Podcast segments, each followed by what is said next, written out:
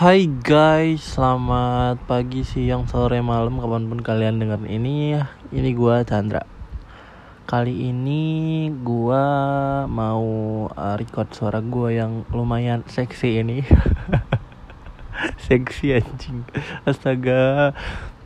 Pokoknya kayak gue udah lama banget gak bikin uh, podcast-podcast. Nggak jelas begini Ngomong-ngomong bawel bacot nggak jelas begini mungkin kayak udah lama ya kan. Mungkin karena sebelumnya gue cukup bahagia ya kan.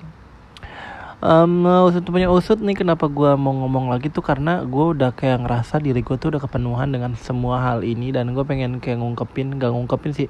Kayak pengen cerita aja sama kalian-kalian kali aja di luar sana tuh ada yang denger. Terus kayak mungkin relate juga sama kehidupannya jadi gue kayak pengen ngebacot aja buat ngilangin atau ngurangin juga nih beban pikiran gue Nah kali ini tuh gue bakal ngomongin apa ya? Uh, uh, gue takut salah ngomong sih, takut orang yang gue singgung di sini tuh nggak dengerin gitu. Cuman kan ya gimana ya? Gue bukannya belum masin ini bener apa enggak, cuman kayak ya udah, ya namanya manusia kan punya keluh kesah bener gak sih? Jadi tuh gue mengeluhkan ini aja sebagai seorang manusia yang normal ya kan, sebagai makhluk hidup ya kan mengeluhkan ini saja begitu. Tapi gue takut salah ya kan gue mulai ngomongnya dari mana ya? Um, mungkin gue mulai ngomongnya dari uh, indah-indahnya dulu ya.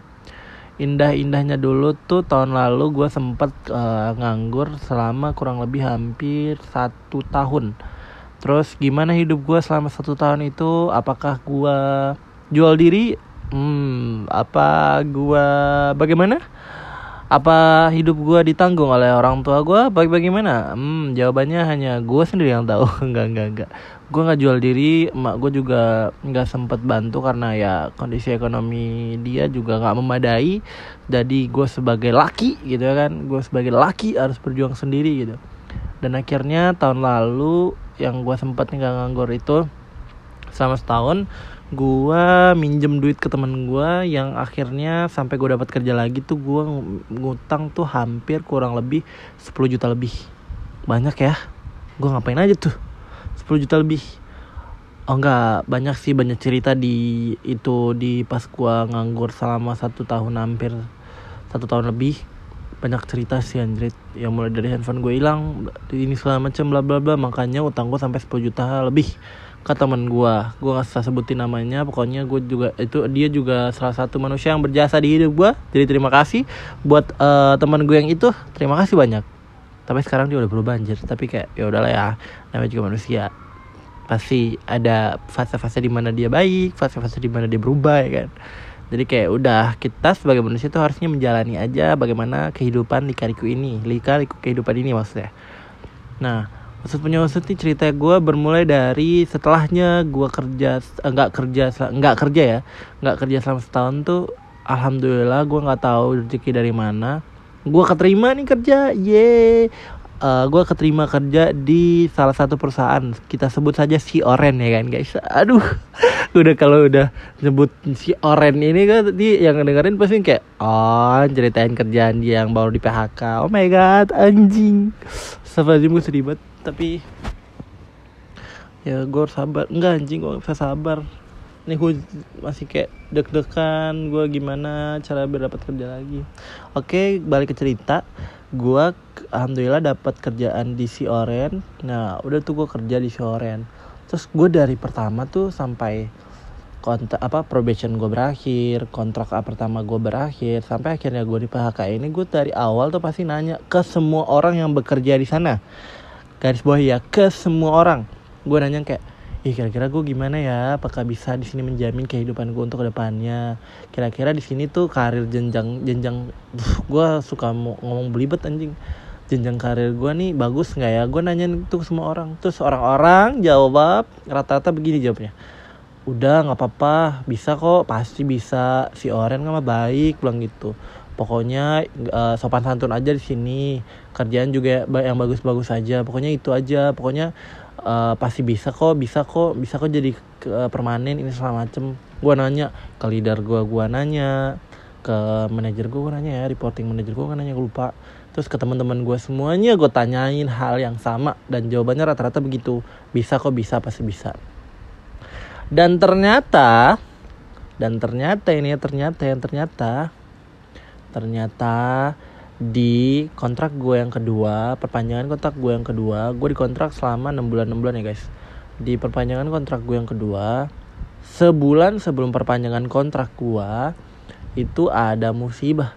Sebenarnya sampai sekarang gue masih belum bisa menyimpulkan sebenarnya ini yang terjadi apa ya. Cuman yang gue tangkap tuh adalah ini perusahaan melakukan rekonstruksi rekonstruksi res reskonstruksi reskonstruksi ya. Reskonstruksi perusahaan di mana dia emang lagi nekan-nekannya budget untuk menghadapi resensi 2023 yang gue tangkap itu ya jadi kayak uh, apa dia kayak mempersiapkan diri nih biar nanti di resesi 2023 jika pun itu terjadi ekonomi membludak dan segala macem dia tidak uh, apa dia punya backupan dana gitu jadi dia mau nggak mau harus mutar otak nih gimana caranya uh, saat ini uh, dia nggak menghambur-hamburkan uang dulu nih dia harus tahan-tahan dulu nih. Mulai itu dari brand ambassador dia dia ganti mulai dari benefit-benefit yang ada di kantor dia ubah sampai ke yang paling sedih itu pelaku pem, melakukan pemutusan hubungan kerja ya kan? Dan akhirnya uh, sebenarnya gue nggak kena gue nggak nggak kena layoff gue nggak kena PHK tapi uh, kalau kita ambil kesimpulan uh, si perusahaan ini kalau misalkan melakukan PHK ke gue otomatis dia harus kayak kena kompensasi sekian kali gaji yang udah gue pernah di sana kan. Karena ya kan pemutusan hubungan kerja kontrak itu harus ada undang-undangnya lah gue juga nggak terlalu mendalami karena kayak ya gue nggak jurusan hukum dan gue juga kayak oh ya udah gue terima-terima aja. Maksudnya gue kerja dapat duit gue udah itu aja anaknya gitu. Kayak kerja dapat duit ya tujuan gue kerja tuh buat dapat duit kan. Jadi gue nggak terlalu memikirin untuk undang-undang itu. Nah pokoknya ada undang-undang yang kayak misalkan kalau kalau nggak salah ya ini kalau gue salah tolong dibenerin ya. Kalau nggak salah tuh kontraknya misalkan lu kontrak setahun nih terus belum setahun lu udah udah diputus kontrakin. Nah bulan yang tersisa tuh kalau uh, perusahaan harus membayar sama dikali-kali untuk sebelum sebelumnya gitu. Gua nggak ngerti. Nah sama halnya kalau misalkan tuh dikontrak setahun terus tiba-tiba lu keluar gitu aja. Lu bakal kena duit feel nanti sebesar uh, beberapa bulan lu bak uh, dikontrak lagi gitu dah pokoknya. Ada itulah. Nah akhirnya tuh uh, intinya dia nggak bisa phk untuk karyawan kontrak dan beberapa dan gak beberapa sih banyak juga yang di PHK itu karyawan permanen. Karena mungkin dari siklus uh, pekerjaannya atau apa gue nggak ngerti. Gue nggak ngerti gue cuma nembak-nembak doang. Mungkin tuh lagi dikit atau gimana. Jadi kayak oh ini kebanyakan orang nih. Kayaknya bisa ditekan lagi deh. Kalau misalkan di satu tim ini tuh kayaknya butuh 5 ini kenapa 10 dimanya di, dibuang gitu kan. Nah dia mungkin memikirkan itu. Nah akhirnya keadaan-keadaan kontrak yang kontraknya mau habis itu dia tidak melakukan untuk perekrutan karyawan permanen.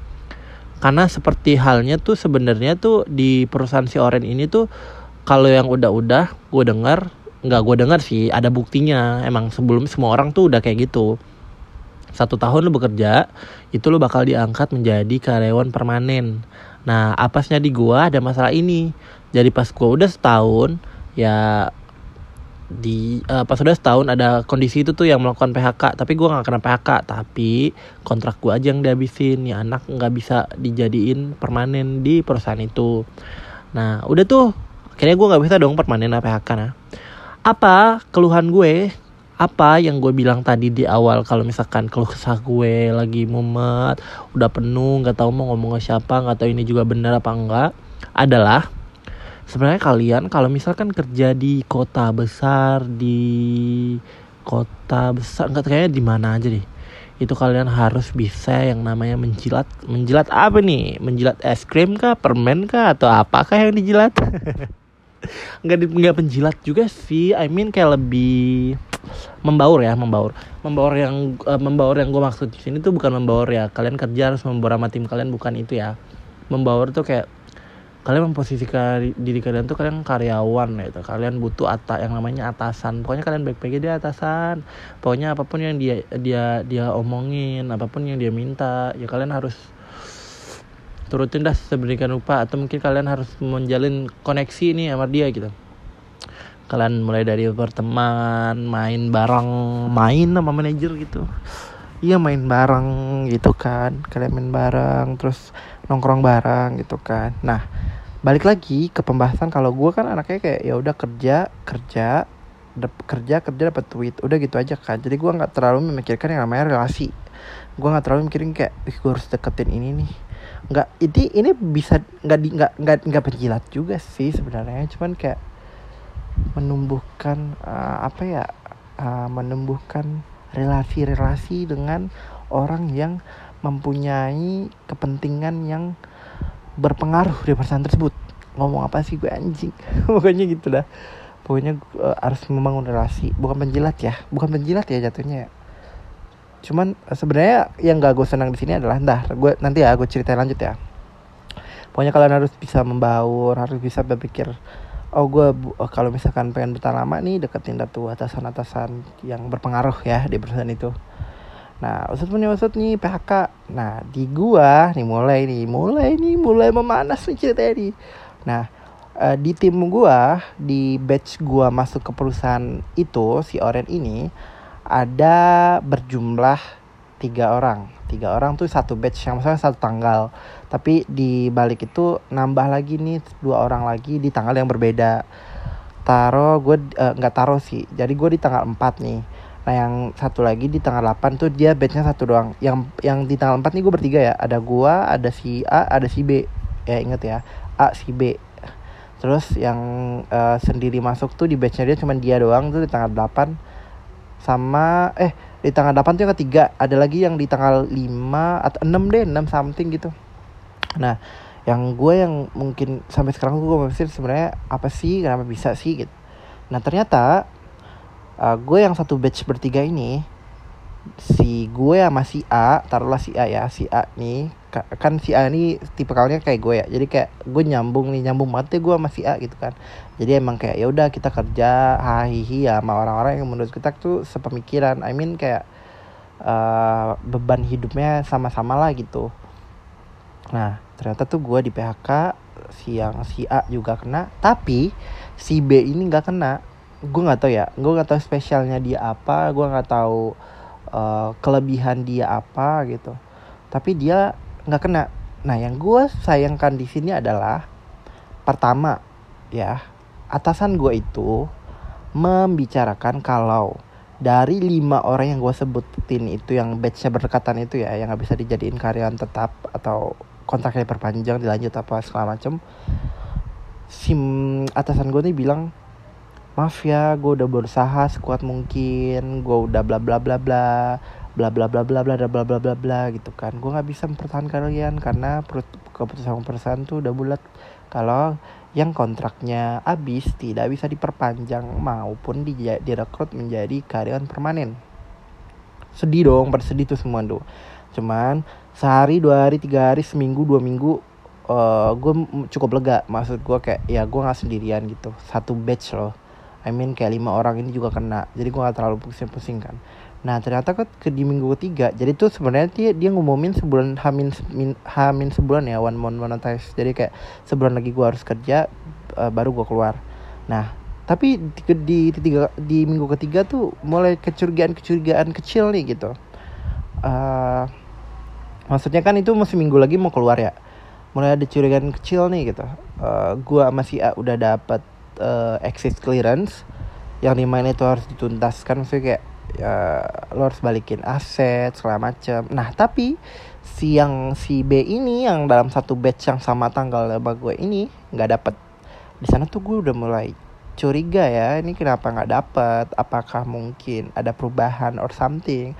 Sebenarnya gue tuh terima-terima aja ya kalau misalkan dari salah satu kita dari antara lima atau dari antara lima itu diterima dua atau diterima tiga even gue pun yang dikeluarin sendiri tuh gue terima. Tapi informasi yang gue dapat di awal lo semua kan kena. Ini kenapa tiba-tiba berubah gitu?